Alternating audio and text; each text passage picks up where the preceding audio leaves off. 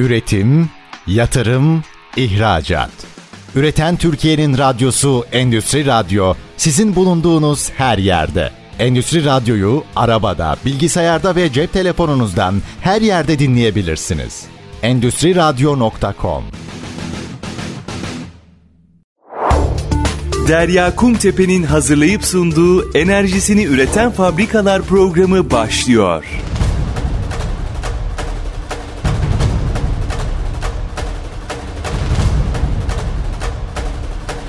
Enerjisini Üreten Fabrikalar programından herkese merhabalar. Ben Derya Kumtepe. Bugün programda yine güneş enerjisi konuşacağız. Malum şu anda fabrikalar kendi enerjisini üretmek ve e, artan enerji maliyetlerinden en az derecede etkilenmek istiyor. Bunun için önemli yatırımlar gerçekleştiriyor. Bu konuda önemli çözümler sunan firmalarımız var. Bir tanesi Bugün önemli, bugün firmalarımız var. Bugün Aksay Enerji Genel Müdürü Cemalettin Aksay ile birlikteyiz. Merhabalar Cemalettin Bey, nasılsınız? Teşekkür ederim Derya Hanım, merhabalar. Sizler nasılsınız? Bizler de çok iyiyiz, teşekkür ederiz. Biliyorsunuz gündemimiz çok uzun süredir enerji, artan maliyetler, arz problemleri. Bu konuları konuşacağız ama öncesinde ben bir dinleyicilerimize sizi tanıtmak istiyorum. Cemalettin Aksay kimdir? Aksay Enerji neler yapıyor? Ben Cemalettin Aksay, Aksay Enerji firmasının genel müdürüyüm. 2008 yılında Orta Doğu Teknik Üniversitesi Elektrik Elektronik Mühendisliği bölümünden mezun oldum ve ardından ticarete atıldım. Aksa Enerji'nin doğuşu ise güneş enerjisi sektörünün hızlanması ile 2017 yılında Ankara'da güneş enerji santrali projelerine kurulum hizmeti vermek amacıyla kuruldu.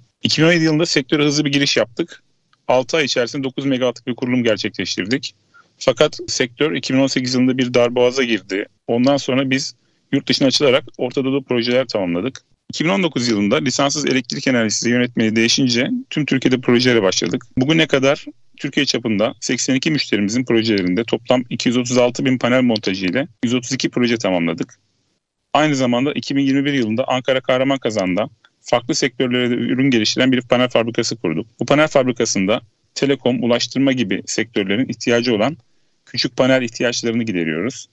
Aynı zamanda orada bir ARGE birimimiz var. Değişik güneş enerjisi panelleri projelerinde çalışıyoruz. Onun dışında Aksa Enerji olarak Türkiye'de dünyada çalışmalarımız devam ediyor. Özellikle Orta Doğu'da çalışmalarımız var. Avrupa'da çalışmalarımız devam ediyor. Çünkü sadece Türkiye'de değil güneş enerjisinin en büyük ihtiyaç duyduğu yer Avrupa. Çünkü çok büyük sıkıntılar var. Orada büyümeyi planlıyoruz. Evet, genel itibariyle isterseniz bir son dönemde yaşadığımız enerji arz probleminden de bahsedebiliriz. Dünyada ve Türkiye'de yenilenebilir enerji kaynaklarına önemli yatırımlar gerçekleştiriliyor. Güneşten daha fazla pay alınmak isteniyor. Bir global açıdan değerlendirebilir misiniz? Dünyada durum ne, Türkiye'de durum ne? Biz Aksa Enerji olarak dünya enerji piyasasını çok yakından takip ediyoruz ve bu konuda uluslararası danışman firmalar ile çalışıyoruz. Şu anda Avrupa enerji piyasasında doğal gaz kaynaklı çok ciddi sıkıntılar mevcut ve bu sıkıntının kısa vadede çözülemeyeceğini Avrupa görmüş durumda. Avrupa bu açığı en kolay ve en bağımsız enerji yatırımı olan güneş enerjisiyle kapatmak istiyor. Bu yoğun yatırım talebine de nitelikli ve tecrübeli firmalar yetişemiyor. Şu anda Almanya'da evinizin çatısına kurulum için 6 ay sıra beklemek zorundasınız. Ve Romanya'da Avrupa Birliği'nden almış olduğu 500 milyon euro kredi ile yaklaşık 100 bin evin çatısına 2023 yılında güneş paneli kurma hedefi var. Ve bu sadece Romanya ile sınırlı değil. Aynı zamanda Hırvatistan, Makedonya gibi Balkan ülkelerinde çok ciddi güneş enerjisi yatırımları mevcut. Avrupa'nın güneş ışınım haritası Türkiye'ye rağmen daha verimsiz olmasına rağmen Türkiye bu konuda Avrupa'dan biraz geri kalmış durumda.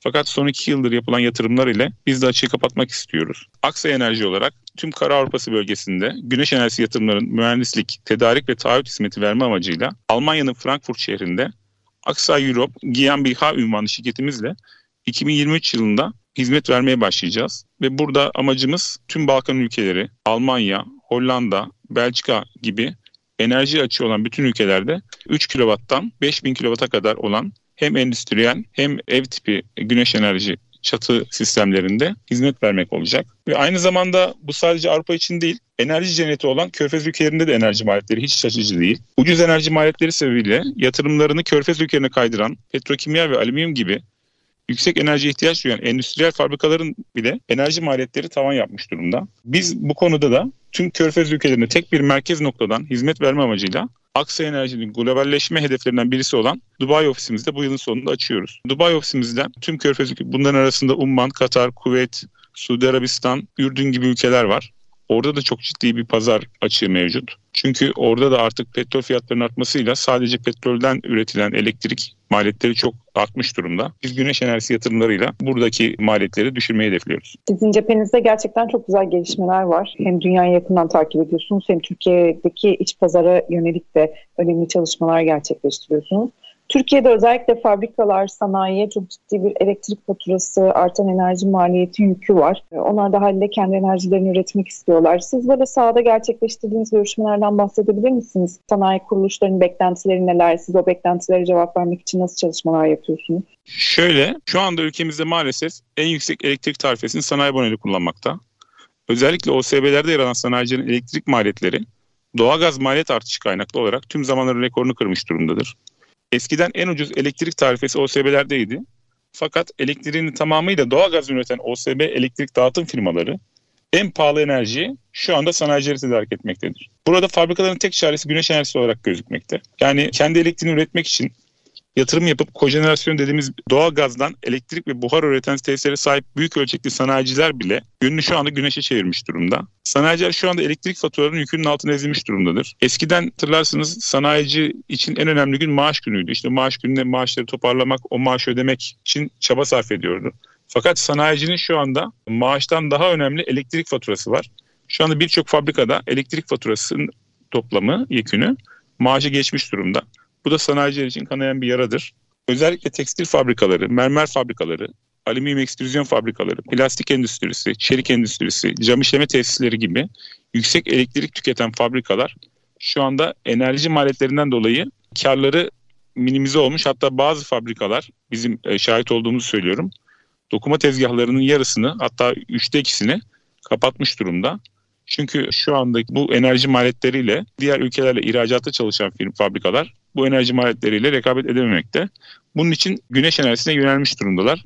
Ve biz şunu görebiliyoruz. Yani bu yıl önümüzdeki yıl, iki yıl içerisinde, üç yıl içerisinde bu güneş enerjisi yatırımını yapmayan fabrikalar rekabet şanslarını kaybedecek ve küçülmek zorunda kalacaklar. Çünkü elektrik maliyetini düşüremeyen ya da sıfırlayamayan fabrika bütün kazandığı parayı elektrik faturasına yatırmak zorunda kalacak. Onun için biz bunu, bütün sanayiciler bunun farkında. Fakat burada önümüze iki tane engel çıkıyor. Birinci engel burada bizim ülkemizin altyapısı, trafo kapasiteleri bazı yerlerde yetersiz ve sanayicilerimiz bu GES'leri kurmak için gerekli olan çağrı mektubunu alamıyorlar. İkinci engel ise şu anda dünyada oluşan finansal darboğaz sebebiyle sanayicilerimizin yüklü yatırım miktarı olan güneş enerji santrallerinin için finansmana ulaşamamaları. Bu iki engel için e, hükümet gerekli desteği sağlarsa bence bunu yaptırmayacak bir fabrikanın olacağını zannetmiyorum. İki konuda çok önemli aslında ayrı ayrı açabiliriz bence. İlk başta bir finanstan başlayalım. Çünkü bankalar bu konuyla ilgili aslında yenilenebilir enerji ile ilgili özel kredi paketleri hazırlıyorlar. Bunun evet biz de izliyoruz, takip ediyoruz, haberlerini gündeme getiriyoruz. E, peki uygulanabilirliği açısından müsait mi? O hazırlanan yenilenebilir enerji kredi paketlerinin geri dönüş süreleri yüksek mi? Faiz oranları nedir? Sanayiciler ne kadar oranda faydalanabiliyor bu kredilerden? GES yatırımları yüksek bütçeli olduğu için maalesef bu kredileri şubeler kendi yetkilerinde değil ya bölge ya da genel mülk yetkisinde çıkarmaktadır. Bu da sürecin uzamasına sebep olmakta. Aynı zamanda şu anda kamu bankaları ile özel bankaların arasında bir faiz uçurum mevcut. Şu anda kamu bankalarında faiz oranları 13 ila 17 arasında değişirken özel sektör bankaları için bu oran %24 ila %35 arasında. Bu da yatırımcıları kamu bankalarına yönlendiriyor. Kamu bankalarında belli bir finans kapasitesi olduğu için tüm sanayicilere cevap veremiyor. Bu sebeple bizim düşüncemiz şu, yatırımcıların her beklediği gün kendilerine zarar olacağı için şu anda özel bankalardan daha iyi olsa kredilerini kullansınlar bu yatırımı yapsınlar. İleride kredilerini başka bankalara daha uygun vadeli, daha uygun faiz oranı bankalara taşımalarını tavsiye ediyoruz. Çünkü şu anda bizim öngördüğümüz fizibilitelere göre bizim öngördüğümüz geri dönüş süresi, yatırımın geri dönüş süresi 24 ay gibi çok kısa bir süreye düştü. Bu bundan 5 sene önce 7 seneydi. Şu anda 2 seneye düşmüş durumda enerji maliyetlerinden dolayı. Yani burada beklenen her gün bir fabrika için zarardır. Bizim tavsiyemiz buldukları ilk krediyle bu yatırımı yapsınlar. Ondan sonra daha sonra kredi arayışlarına devam etsinler. Kredileri taşımalarını tavsiye ediyoruz. Çünkü bugün özel bankaların yüksek dedikleri %35-36 faiz bile enflasyonun kat katı altında. Biz gene enerjiye 2023 yılının ilk çeyreğinde çok ciddi zamlar bekliyoruz. Bu sebeple bu sürenin daha da kısalacağını öngörüyoruz. Başlık ise trafolardaki e, kapasite yetersizliğiydi. Bununla ilgili çalışmalar var mı? Bununla ilgili çalışmalar da var. Hatırlarsanız 2017 yılında ilk sektör araziye kurulumu yapıldığı zamanlarda trafolarda boşluk yok denilmişti. Fakat 2019 yılında çatı mevzuatı değişince tekrar trafolarda boşluk açıldı. Şu anda boşluklar da yok deniliyor. Fakat biz şunu biliyoruz ki bu trafo merkezlerinde kapasitelerin %100'ü kullanılmamaktadır. Bizim talebimiz sektör olarak trafo merkezlerinin kapasitenin %100'e kadar verilmesi ve bunun sanayiciye özel tahsislerle kapasitenin açılması yönündedir. Bu yapıldığı takdirde ben yatırımın daha da hızlanacağını düşünüyorum ve bu bizim cari açımızı daha da azaltacağını tahmin ediyoruz. Programımızın aslında ikinci bölümünde ben birazcık daha uygulama örneklerinden bahsetmenizi isteyeceğim. Ama ona geçmeden önce bir de şu soruyu soralım sonra araya gidelim. Bir de sanayicinin özellikle tekstil sektörünün üstünde bir karbon vergisi var. Elektrik faturalarının yanı sıra. Karbon ayak izi vergilendirilecek ve bu özellikle ihracat çalışmalarına devam eden firmalar bundan dolayı ekstra bir daha bir yükün altına girmiş olacak. Güneş enerjisinden kendi elektriğini üretmek bu soruna cevap verebilecek mi? E, bu yeterli olacak mı? E, bu yeşil mutabakat anlaşmaları ile ilgili de birkaç cümle alalım sizden sonra araya gidelim. Kesinlikle olacak. Çünkü şu anda Paris İklim Anlaşması ile bütün ülkelerin bir hedefleri var. Türkiye'de bu e, anlaşmayı imzalamış durumda. Bu sebeple karbon salınımı, yani bizim hedefimiz karbon salınımının sıfırlanması. Fakat bu kısa vadede zor gibi gözüküyor. Ama bunun özelinde özellikle yurt dışı özel sektör firmaları Türkiye'ye verdikleri siparişlerde bunu arıyorlar. Sipariş verdikleri firmalardan güneş enerji sisteminiz çatınıza var mı? Sıfır karbon hedeflerine uyuyor musunuz diye sorular soruyorlar. Hatta soru sormakla kalmayıp iş verirken çeşitli puanlamalarla işi buna göre firmalara dağıtıyorlar. Mesela bizim İstanbul'da şu anda işini yaptığımız bir tekstil firması İspanya merkezli uluslararası bir firmaya çalışıyor. Bu İspanya merkezli uluslararası firma Türkiye'de birçok fabrikaya iş verirken bir puanlama sistemi ihale yapıyor. Bu puanlama sisteminde güneş enerjisi ilk soruların arasında geliyor. Eğer güneş enerjisi varsa bu tekstil firmasının, tekstil fabrikasının puanı artıyor. Bu şekilde iş alma olasılığı artıyor, artıyor. Yani bunu özel firmalar özelinde baktığımız zaman bile şu anda güneş enerjisini kurdurmak sadece maliyet açısından değil, karbon salınım açısından da avantaj yarattığı durumları rastlayabiliyoruz. Kısa bir araya gidiyoruz. Döndüğümüzde Enerji Genel Müdürü Cemalettin Aksay enerjisini üreten fabrikalar programının konu olmaya devam edecek. Üretim, yatırım, ihracat. Üreten Türkiye'nin radyosu Endüstri Radyo sizin bulunduğunuz her yerde. Endüstri Radyo'yu arabada, bilgisayarda ve cep telefonunuzdan her yerde dinleyebilirsiniz. Endüstri Radyo.com Enerjisini üreten Fabrikalar programında Aksay Enerji Genel Müdürü Cemalettin Aksay'ı ağırlıyoruz. Programın ilk bölümünde epey önemli başlıklara değindik. Dilerseniz ikinci bölümde birazcık daha böyle uygulama örnekleri, başarılı uygulamalar, hatta başarısız uygulamalar, hayata geçen projelerdeki elde edilen verimlilikler bunlardan bahsedelim. Siz 2022 yılını nasıl geçirdiniz? Hangi projeleri imza attınız?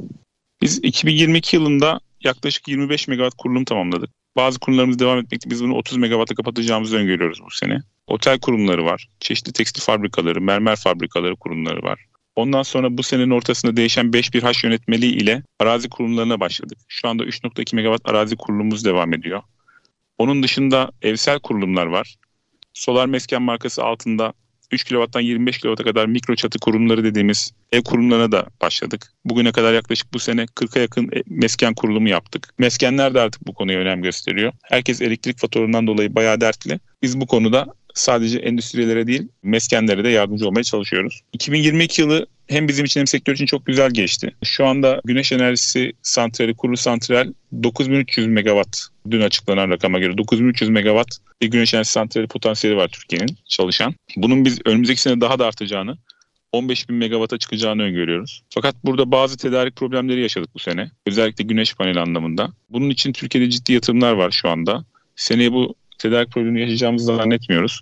Fakat bunun dışında bir invertör problemi yaşanacağını öngörüyoruz. Çünkü dünyada pandemiden sonra yaşanan çip krizi hala devam etmekte. Önümüzdeki sene eğer invertör problemi aşılırsa biz bu 15 bin megawatt hedefini çok rahat yakalanacağını düşünüyoruz. Evet ekipmana ulaşma konusunda sorunlar yaşandığını biz de sektörle zaman zaman konuşuyoruz. Özellikle pandemiyle başlayan bir süreç oldu değil mi? Toparlanma, Türkiye'de yerli invertör üretimine yönelik atılımlar, bununla ilgili bir gelişmeler olur mu? Bir de enerji depolama da konuşalım tabii ki hazır teknik taraftan bahsederken. Şimdi pandemiden sonra bütün emtialara ulaşmakta yaşanan sıkıntı aynı aynı şekilde güneş enerji sektöründe de yaşandı. Yani nasıl bir otomotiv bayisine gidip araç bulamıyorsak güneş enerji paneli için bizim 3 ay 4 ay önceden sipariş verme durumunda kaldık. Bu bir yandan sektörde planlamanın ne kadar önemli olduğunu gösterirken diğer yandan da yatırımcıları şimdi ciddi yatırımcıları sektöre soktu. Biz şu anda Arçelik fabrikasının yatırım kararı aldığını duyduk. Ondan sonra birkaç tane Çinli fabrikanın Türk yatırımcılarla beraber ortak fabrika kurulacağını biliyoruz.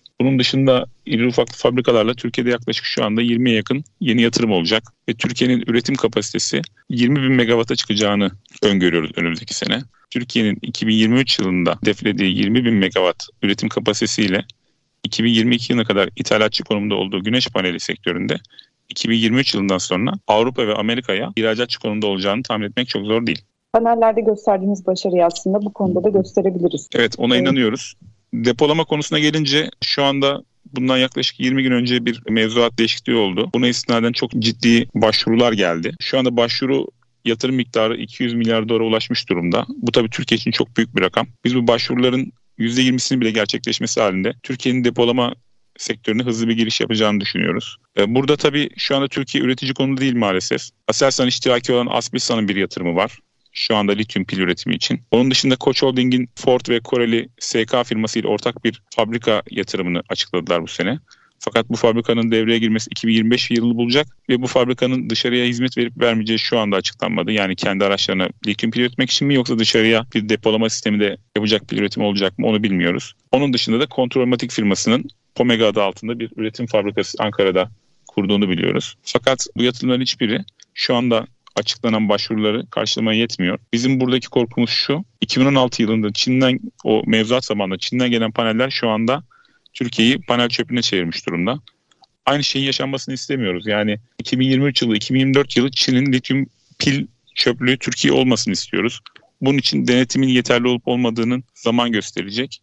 Ama şunu biliyoruz ki gelecek depolamada yani bu olmazsa olmaz ve çok hızlı bir hareket etmemiz lazım. Bunu da zaman gösterecek. Gerçekten güzel bir konuya değindiniz. Çünkü günün sonunda aslında güneş enerji santralleri projelerinin verimliliğine dayanıyor. Daha yüksek verim elde etmek, daha sistematik bir şekilde hareket etmek ülke genelinde bu ciddi bir dediğiniz gibi hem denetim gerektiriyor hem teknik anlamda güç gerektiriyor.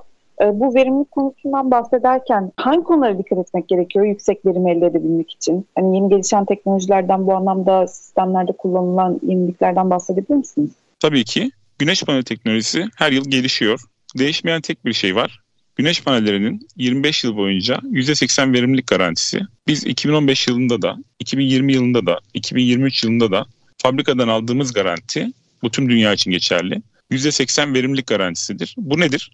Fabrika size şunu taahhüt ediyor. Aldığınız panel 25 yıl sonra %80 verimlilikle çalışacak diyor. Bu çok güzel bir şey. Yani burada uzun vadeli projeksiyon yaptığınız zaman bankalar kredibiliteleri yaparken fizibilite istiyor. Biz bu fizibilitelerde bu verilerle güneş enerji santralinin seneye ne kadar üretim yapacağını, bir sonraki sene ne kadar üretim yapacağını, 5 sene sonra ne kadar üretim yapacağını bir projeksiyonla fizibiliteye yansıtıyoruz. Ve bu bankalar kredi verirken bu kriterleri dikkate alıyor. Burada da önemli olan şey bunun reel, reele dönmesi. Burada da güneş panelinin kalitesi kalite süreçleri ayrıştırıyor. Burada bu güneş paneli seçerken güneş paneli fabrikasının kalite süreçleri doğru takip ediyor mu? Sertifikaları tam mı? Bu şekilde bir seçim yapılsa yatırımcılar için çok daha verimli ve çok daha uzun vadeli oluyor. Verimlilik konusunda da burada bundan 5 sene önce paneller, polikristal paneller vardı. 1 metrekarede yaklaşık 160 watt üretiyordu. Bugün monokristal half cut dediğimiz yarım hücre teknolojisiyle üretilen monokristal panellerde de 1 metrekarede biz 210 wattlık bir üretim alıyoruz. Yani yaklaşık %25 burada bir artış söz konusu verimlilikte. Biz bunu şu anda Çinli bir firma geçtiğimiz ay 1 metrekarede 250 watt üreten bir panel teknolojisi ürettiğini açıkladı. Tabii bunun piyasaya yansıması bir yıl bulacaktır ama her sene gördüğünüz gibi burada verimliliğimiz artıyor. Buna yetişmeye çalışmak imkansız. Yani bekleyelim sene yeni çıkacak anlayış burada geçersiz oluyor. Çünkü her sene yeni bir teknoloji çıkıyor. Burada yapılması gereken mevcut zamandaki en iyi teknolojileri kullanmak. Ancak bu şekilde yetişebiliyoruz. Enerjinin dijitalleşmesi sektörün önemli bir başlığı olarak öne çıkıyor. Siz dijitalleşme konusunu nasıl değerlendiriyorsunuz? Özellikle bu tarafta gelişen yeni teknolojilerin verimliliğe olan katkısı var mı? Burada isterseniz biraz elektrikli araçlardan ve şarj istasyonlarından da bahsedelim. Bildiğim kadarıyla siz de elektrikli araç kullanıyorsunuz değil mi? Evet, şu anda zaten günümüz çağında enerjinin dijitalleşmesi çok önemli. Otonom araçlar, araç şarj istasyonları, depolama sistemleri ve blockchain zincirleri de bu kapsama giriyor. Ben de elektrikli araç kullanıyorum yaklaşık 6 aydır. E, şu anda biz bu dönüşümün çok hızlı gerçekleşeceğine inanıyoruz. Nasıl bir fotoğraf vardır belki hatırlarsınız. New York'ta bir fotoğraf 1900 ve 1913 yılları arasında. 1900 yılındaki fotoğrafa baktığınız zaman sadece bir tane araç var. Diğer bütün araçlar at arabası. Fakat 1913 yılına baktığınız zaman caddedeki Ford'un Model T dediğimiz ilk seri üretim otomotivleri görüyorsunuz. Araçları görüyorsunuz. Sadece bir tane at arabası var. Yani bu 1900 yılların başında 20. yüzyılın başında nasıl bir devrim olduysa aynı bu şekilde biz elektrikli araçlara ve e-mobilite dediğimiz otonom araçlara geçişin çok hızlı gerçekleşeceğine inanıyoruz. Zaten Avrupalı üretim firmaları, otomotiv üretim firmaları bu önümüzdeki 10 yıl içerisinde bütün fosil yakıt araç üreteceklerini üretimini sonlandıracaklarını beyan ettiler. Ve bunu ilk başta Volvo örnek oluyor. Arkasından Mercedes ve Volkswagen geliyor. Biz de Türkiye'nin bu çağa ayak uyduracağını zaten biliyoruz TOK üretim fabrikası ile. Burada bu dönüşümün çok hızlı gerçekleşeceğini biliyoruz ve bu konuda yatırımlarımız devam ediyor. Biz de Aksa Enerji olarak Zero Charge markasıyla araç şarj istasyonu kurumlarına başlayacağız çok kısa sürede. Ve burada güneş enerjisini araç şarjına bağlayarak sıfır emisyonla araçlarımızı şarj edeceğiz. Güzel bir gelişme. Hayırlı olsun öncelikle. Bir taraftan da tabii ki rekabetin de yoğun olduğu bir süreç. Siz nasıl bir stratejiyle bu alana girdiniz? Nasıl bir 2023 yılında nasıl bir politikayla büyümeyi planlıyorsunuz? Ekibinizden bahsedebilir misiniz? Tabii ki biz Aksa Enerji olarak Ankara merkezde 8 proje mühendisimiz var. Yaklaşık 23 tane montaj ekibimiz var ve burada en önemli değişken biz bütün montaj elemanlarımız kendi personelimiz, bütün araçlar kendi araçlarımız. Kesinlikle taşeron firma kullanmıyoruz ve burada tek amacımız bu ekiple beraber kaliteyi en yüksek çıtada tutmak istiyoruz. Bunu sadece Türkiye'de değil Avrupa'da ve Orta Doğu'da da aynı şekilde çalışacağız. Türkiye'deki proje ofisimizden Avrupa'daki projeleri ve ortadaki projeleri yapacağız. Montaj ekiplerimiz de orada aynı şekilde kendi bünyemizde olan ekiplerle, teknik ekiplerle montajları gerçekleştireceğiz. Türkiye'de ilk başta hangi alanları, hangi lokasyonlarda yer almayı planlıyorsunuz?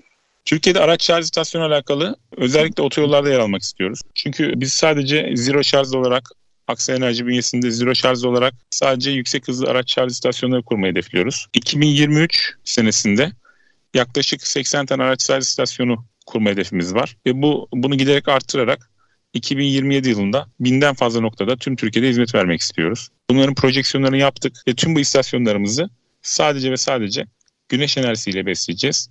Yani adımızdan da anlaşılacağı gibi biz zero emisyon hedefiyle, sıfır emisyon hedefiyle araç şarj istasyonu ağını genişletmek istiyoruz. Kısa bir araya gidelim isterseniz Cemalettin Bey. Biraz yeni dönem hedeflerinizden de bahsettiniz. Onları da bir toparlayalım. Aksay Enerji Genel Müdürü Cemalettin Aksay kısa bir aradan sonra bizlerle birlikte olmaya devam edecek. Üretim, yatırım, ihracat. Üreten Türkiye'nin radyosu Endüstri Radyo sizin bulunduğunuz her yerde. Endüstri Radyo'yu arabada, bilgisayarda ve cep telefonunuzdan her yerde dinleyebilirsiniz. Endüstri Radyo.com Enerjisini Üreten Fabrikalar programında 3. bölümde Aksay Enerji Genel Müdürü Cemalettin Aksay ile sohbetimize kaldığımız yerden devam ediyoruz. Şimdi Cemalettin Bey programın birinci, ikinci bölümünde epey bir sohbet ettik aslında. Ama şimdi şurada özellikle fabrika çıtıları için çok kritik bir konuyla ilgili sorumla başlayayım isterseniz. Şimdi izleme, bakım ve onarım çalışmaları var. Bunların üçü de projenin totalinde verimliliği oldukça etkiliyor. Bu üç konunun önemi nedir? Özellikle iş güvenliği tarafında siz nasıl çalışmalar gerçekleştiriyorsunuz? Ee, izleme bakım çok önemli. Neden çok önemli? Çünkü bu yatırımlar uzun vadeli yatırımlar. Bu yatırımları e, yatırımların geri dönüş sürelerine baktığınız zaman burada bizim e, sadece bu yatırımların gerçekleştirilmesi değil, aynı zamanda e, bu yatırımların periyodik bakımların düzenli şekilde yapılması, uzaktan izlemelerinin de aynı şekilde mühendis kadro tarafından takip edilmesi gerekmektedir. Biz burada çift yönlü hizmet veriyoruz. Bir uzaktan izleme yapıyoruz, iki periyodik bakım yapıyoruz. Burada uzaktan izlemeden kastımız zaten bizim kullanmış olduğumuz invertörler, akıllı invertörlerdir. Bu invertörlere data hattı üzerinden ulaşarak buradaki e, panellerin verimliliğini, panellerin kaybını, herhangi bir panelde olası arıza tespitlerini internet üzerinden hatta ve hatta sadece kendimiz değil yatırımcılarımızın cep telefonlarına yansıtıyoruz. Bunun dışında yıllık periyodik bakımlar yapıyoruz. Her yıl e, sahalara iki defa ziyaret gerçekleştiriyoruz. Bu ziyaretlerde panellerde dışarıdan etkenli bir hasar var mı? İnvertörlerde bir hasar var mı? Kablolarda bir hasar var mı? Bunları kontrol ediyoruz. Burada e, tabii ki tespit ettiğimiz bazı hatalar ortaya çıkıyor. Özellikle dış etkenlerden kaynaklı hava şartları olabilir. Mesela sarhoş kurşunlar denk geliyor panellere. Paneller deliniyor. İşte burada biz müdahale ederek anında yatırımın daha verimli çalışmasını sağlıyoruz. Burada tabii ciddi bir yazılımdan da bahsediyoruz değil mi? Yani o sistemin verimliliğini ölçmesi, bir sorun olup olmadığını anlık olarak görebilmeniz için nasıl bir yazılım kullanıyorsunuz? Teknik altyapı konusundaki o çalışmalarınızdan da bahsedebilir misiniz? Tabii ki. Burada çift yönlü izleme yapıyoruz. Birinci izlemeyi invertör firmasının sağlamış olduğu yazılım üzerinden yapıyoruz. Burada panelleri tek tek izleme şansımız da oluyor. İkinci izleme ise kendi SCADA dediğimiz izleme modülü üzerinden yapıyoruz. Burada da santralin genel üretimini kontrol ediyoruz. Santralin aylık üretimi, günlük üretimi, saatlik üretimi. Buradan da grafiklerle bir önceki seneye göre e, verim düşüm var mı? Ya da bir önceki seneye göre biz bu verimi nasıl arttırabiliriz? Bunları değerlendirip yatırımcımıza sunuyoruz. Genel sektörle ilgili konuşmalarımıza devam etmek istiyorum ama birazcık yine e, sizin yaptığınız çalışmalardan devam edelim dilerseniz. İkinci bölümde biraz uygulama örneklerinden bahsettik. Çok kritik, çok güzel projelerde yer aldınız. Son dönemde bizimle paylaşmak istediğiniz özellikle verimlilik tarafında başarılı sonuçlar elde ettim dediğiniz projeler var mı? Tabii ki. Şu anda mesela örnek verecek olursak Çobanlar Mermer adlı mermer fabrikasının Muğla yatağındaki tesisleri için 2,5 megawatt gücünde bir çatı GES projesi gerçekleştiriyoruz. Fakat mermer fabrikalarının tüketimleri çok fazla olduğu için bu 2,5 megawattlık bir çatı GES yatırımı bile firmanın tüketiminin ancak %25'ini karşılıyor. Burada yatırımcımız hemen akabinde çatı GES'ine sığmayan yatırım miktarını araziye taşımak istiyor. Buna, buna da değinmek istiyorum. Geçtiğimiz aylarda yönetmelikler değişti. Yeni yönetmeliğe istinaden çatısına sığmayan yatırımı isteyen fabrikalar araziye taşıyabiliyor. Hatta ve hatta 1 Ocak 2023'ten itibaren bölge kısıtı kalmaksızın mesela bizim Türkiye'de e, bunu da biraz açalım. 21 tane dağıtıcı bölge var. Siz İstanbul'dasınız. Eskiden sadece İstanbul'daki arazilere GES yatırım kurabiliyordunuz. Fakat bunun önü açıldı. 1 Ocak'tan itibaren hem İstanbul'daki çatınıza hem de Konya'da herhangi bir araziye bu yatırım yapabiliyorsunuz. Bu da sizin yatırım miktarınızı arttırıp enerjideki e, tüketim miktarlarınızı azaltmaya e, sebep oluyor. Bu çok güzel bir gelişme. Bu sayede biz enerjilerin artık tamamen güneşten üretileceğini düşünüyoruz. Evet bu bahsettiğiniz gerçekten son dönemde oldukça önemli bir gelişme oldu. Çünkü bir de çatısı olmayan sektörler de var. Ee, onlar için e, bir ihtiyaçtı ve buna güzel bir çözüm önerisi oldu. Ee, mermerler evet mermer sektörü enerjiyi yoğun tüketen sektörlerden biri. Onun haricinde var mı bize örnek olarak verebileceğiniz ki artık şeyde kalmadı. Yoğun olarak kullanıyoruz, kullanmıyoruz durumu da kalmadı. Bütün sektörlerin artık kendi enerjisini üretmesi gerekiyor. Ama acil ihtiyaç olan işte size çok ağırlıklı taleple gelen sektörler hangileri? Bize en çok tekstil fabrikaları geliyor. Ee, çünkü onlar da dokuma tezgahları çok yoğun bir elektrik tüketimi sarf ediyor. Aynı zamanda mermer fabrikaları, alüminyum ekstrüzyon fabrikaları geliyor. Alüminyum ekstrüzyonu çok e, enerji isteyen bir sektör ve Türkiye alüminyum sektöründe gayet ön planda çalışıyor. Çünkü biz alüminyum ekstrüzyon, alüminyum profillerde gerek dış cephe doğramalar olsun, dış cephe giydirmeler olsun. Bu sektörlerde kullanılan alüminyum profilleri Türkiye'de üretildiği için yoğun miktarda burada ciddi bir enerji kullanımı mevcut ve bu alüminyum fabrikaları şu anda bütün yatırımlarını GES'e kaydırmış durumda. Onun dışında plastik endüstrisi var, petrokimya endüstrisi var, çelik endüstrisi, cam işleme tesisleri, döküm sanayisi. Bize çok yoğun talepler geliyor şu anda. Bunların dışında sanayinin dışında otel ve hastane yatırımları da geliyor. Çünkü oteller ve hastanelerin çatılarında iklimlendirme ve klima üniteleri oluyor. Çatılarında yer olmuyor. Genellikle şehir merkezine yer alıyor bu yapılar. Ve bunların da aynı şekilde bu yeni yönetmekle beraber yatırımlarını araziye taşıma imkanı doğdu. Şu anda çok ciddi arazi talebi alıyoruz. Ve aynı zamanda sadece biz bu GES yatırımlarının gerçekleştirilmesi değil, yatırımcılarımıza arazi geliştirme hizmeti de sağlıyoruz. Yani bir yatırımcı bize geldiği zaman biz yatırımcımızın ne nitelikte bir GES yatırımı yapacağını analiz ediyor, gereksinimini analiz ediyor. Aynı zamanda bu gereksinimine göre arazi sağlayıp o arazilere yatırımları gerçekleştirmesi sağlıyoruz. Çok güzel bir konuya değindiniz aslında. Ben de bu konuyla ilgili bir soru sormak istiyordum size. Hep fabrikaları konuşuyoruz ama e, artık binalar da kendi enerjisini üretmek istiyor. Kesintisiz enerjiye ihtiyaç duyan hem data center'lar var hem hastaneler var hem tüketimleri yoğun hem de gerçekten bir anlık bile kesintiye e, mal ver, verilmemesi gereken kritik yerler burası. Biz bu yıl ufak bir hatırlatma yapmak istiyorum. Enerjisini üreten fabrikalar zirvesinin içerisinde enerjisini üreten binalar bölümünü de ekliyoruz. Çünkü onların ihtiyaçları da bize ulaşıyor. Onlarla ilgili dertleri de gündeme getirmek istiyoruz. Binalar tarafıyla ilgili de çok güzel örnekler verdiniz. Yeni dönemde böyle odaklanacağınız işte bunları yapacağız diyeceğiniz bir stratejiniz var mı? Binalarla ilgili bir stratejimiz var. Şu anda binaların açık otoparklarını kapatarak bu otoparkları bir GES sahası haline dönüştürmeyi projelendiriyoruz. Elimizde bir proje var. Bu proje Avrupa'da Fransa'da bir üniversitenin otoparkını tamamen bir GES sahasına dönüştürüyoruz şu anda. Bununla ilgili fizibiliteleri yaptık. Şu anda statik hesapları yapılıyor çelik yapıların. Ondan sonra bu yapıların çelik üretimlerini de Türkiye'de yapıp Avrupa'ya tamamen panel, çelik, montaj ve mühendislik ihracatını yaparak böyle bir projeyi tamamlayacağız. Bu projeyi örnek proje alıp Türkiye'de iki tane otele önerdik. Oteller de şu anda otoparkların çatılarında güneş enerjisi kurmayı planlıyorlar. Biz burada müşterilerimize, yatırımcılarımıza şunu tavsiye ediyoruz. Diyoruz ki bir metrekare alanı bile boş bırakmayacak şekilde yatırımlarınızı yapın. Çünkü bize bir metrekarede yaklaşık 200 watt bir panelin üretimi yıllık getirisi size yaklaşık 300 kilowatt olacak. Yani 300 kilowatt bugün bir mali değerine çarptığımız zaman 1500 TL'ye tekabül ediyor. Bu bir metrekare bile değerlendirerek boşa bırakmadan yatırım yapmalarını tavsiye ediyoruz. Evet bu konuyla ilgili de çok güzel uygulama örnekleri var. Ee, geçmişte yapıldı. Günümüzde çok daha fazla yapılacağına inanıyorum. Ee, yerinde gittik, ziyaret ettik. Çok verimli ve boşta kalan atıl alanların nasıl faydalı bir şekilde değerlendirilebileceğini gördük. Çok güzel bir, bir strateji belirlemişsiniz aslında. Ee, çok da yeni yeni birçok projeyi de hayata geçireceksinizdir. İlerleyen zamanlarda sizleri tekrar konuk olarak alıp bu projeleri konuşmak isteriz. Programın üçüncü bölümünde yine ben e, hibrit konusuna değinmek istiyorum. Çünkü enerji sektörünün önemli bir gündem maddesi. Hibrit projelerle ilgili neler yapmayı planlıyorsunuz? E, bu konuyla ilgili gelişen yönetmeliği nasıl değerlendiriyorsunuz? Açıklar var mı? Hibrit projelerini iki aşamada değerlendirmek lazım. Birinci aşama mesken tarafında hibrit projeler. İkinci aşama ise endüstriyel hibrit projeler. Mesken tarafına geçtiğimiz zaman Türkiye'de henüz daha bu güneş enerjisi yatırımları mesken abonelerine indirgenmemiş durumda. Biz bunun için Solar Mesken markasıyla hizmet veriyoruz. Fakat mesken tariflerindeki avantajlar henüz yatırımları maalesef geciktirmekte. Hibrit aşamasında ise burada meskenlere bir avantaj sağlanıyor. Çünkü meskenlerin tüketimleri genelde gündüz olduğu için gece çok fazla tüketim olmadığı için meskenlerde hibrit uygulamalar aslında meskenler için çok uygun. Bunun için biz bir e, distribütörlük anlaşması yapmaya çalışıyoruz. İlerleyen günlerde bu distribütörlük anlaşmasını açıklayacağız.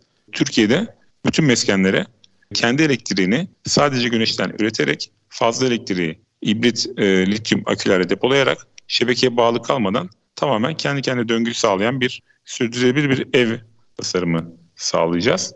Bunun, bununla ilgili ilerleyen günlerde açıklamalarımız olacak distribütörlük anlaşmasından sonra. Onun dışında ikinci aşamaya geçersek hibrit projeleri şu anda Türkiye'de gerçekten çok ciddi ilgi alıyor. Ve geçtiğimiz günlerde açıklanan lisanssız hibrit yönetmeliği kapsamında ise çok ciddi başvuru almış durumda, durumda EPDK. Bu başvuruların yani yaklaşık %10, %20'si bile gerçekleşse Türkiye bu hibrit teknolojisine çok hızlı giriş sağlamış olacak. Hibrit teknolojisinin ikinci aşamasına geçtiğimiz zaman ise endüstriyel tesisleri değerlendirebiliriz. Burada e, yakın gelecekte göreceğimiz hibrit tesislerde güneş enerjisiyle birlikte lityum aküler yardımıyla enerjinin depolanması ve şebekeye istenilen saatlerde elektriğin verilmesi ile şebekenin dengelenmesi amaçlanmakta. Bu da ülkemizde elektrik piyasasında bir dengeleme unsuru oluşturarak elektrik maliyetlerini genel düzeylerden biraz daha aşağı düzeylere indirmesi sağlanmaktadır. Eğer yani şu anda değişen yönetmelik ile başvurular bayağı bir hayli fazla bir ilgi ve başvuru EPDK yapılmış durumda. Burada bu başvuruların %20'si hatta ve hatta %10'u gerçekleşse bile Türkiye depolama ve hibrit teknolojisine çok hızlı giriş sağlamış olacaktır. Bu mesken kısmına da bir değinmek istiyorum ben çünkü gerçekten hepimiz birer son tüketiciyiz. Kendi evlerimizde elektrik faturası ödüyoruz ve artık gitgide e, katlanan artan maliyetler söz konusu. E, bu meskenlere uygulanabilirliği nedir? Biz hani böyle bir yatırım yapmaya kalktığımızda özellikle villa tipi 2-3 katlı müstakil evlerde bu faturalar çok daha artarak geliyor. Ee, herkesin uygulanabileceği rakamlarda mı? Kendini ne kadar sürede amorti eder ya da? Mesken sektöründe şöyle bir olay var. Ee, biz Aksay Enerji'nin Solar Mesken markası ile meskenlere hizmet veriyoruz. Karşılaştığımız genel engelleri ben burada bahsedecek olursam resmi prosedür bir fabrika için neyse maalesef bir ev için de aynı şekilde uygulanmakta. Bunun diğer ülkelerde yani özellikle Avrupa ülkelerinde çok daha basit indirgenmiş olduğunu görüyoruz. Biz bu taleplerimizi EPDK'ya ilettik. Bununla ilgili çalışmalar olduğu söyleniyor. Eğer meskenle ilgili bürokratik engeller aşıldığı zaman e, burada biz meskene daha fazla talep olacağını görüyoruz güneş enerjisinde.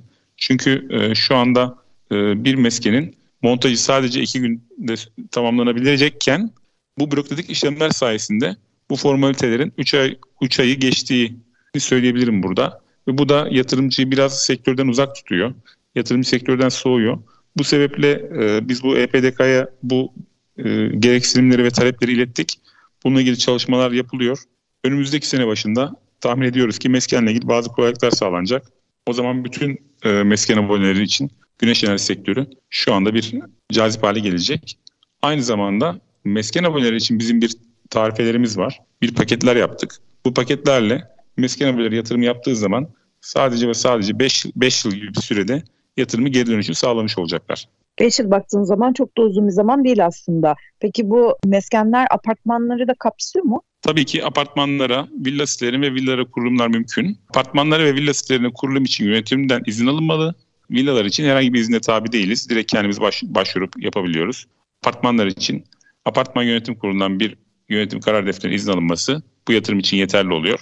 Bundan sonraki tüm işlemleri, bürokratik işlemleri biz kendimiz Aksa Enerji olarak takip ediyoruz ve yatırımcının sistemini teslim ediyoruz. Tüm bürokratik işlemler tarafımızdan takip edildiği için de hiçbir yatırımcımız yorulmadan güneş enerjisiyle elektrik kullanmanın keyfine ulaşıyor ve 5 yıl içerisinde yaptığı yatırımın geri dönüşünün verdiği mutlulukla hiç düşünmeden sıfır karbon, sıfır emisyonla geleceğe daha güzel bir nesil bırakmaya vesile oluyorlar. Programımızın sonuna doğru yaklaştık aslında. O yüzden ben bir genel anlamda e, birçok başlığı konuştuk. 2023 ile ilgili bir iş gündem maddelerinizi, bir genel bir hedeflerinizi ve projelerinizi öğrenip e, vedaya gitmek isterim. Evet, biz 2023 yılında hedeflerimiz, ilk başta hedefimiz araç şarj istasyonları. Zero Şarj markasından bahsetmiştik. Aksa Enerji olarak bu sektörde de yer alarak araç şarj istasyonları kurulunu tamamlayacağız. Türkiye'de yaklaşık 80 tane araç şarj istasyonu kurulumu hedefimiz var. Bunun dışında Türkiye'de devam eden çatı ve arazi GES'lerimiz 80 megawatt ulaşacağını tahmin ediyoruz önümüzdeki sene. Avrupa'da bir yatırımımız var. Avrupa'da bir firma kuruluşu gerçekleştirdik. Aksa Europe GmbH firması ile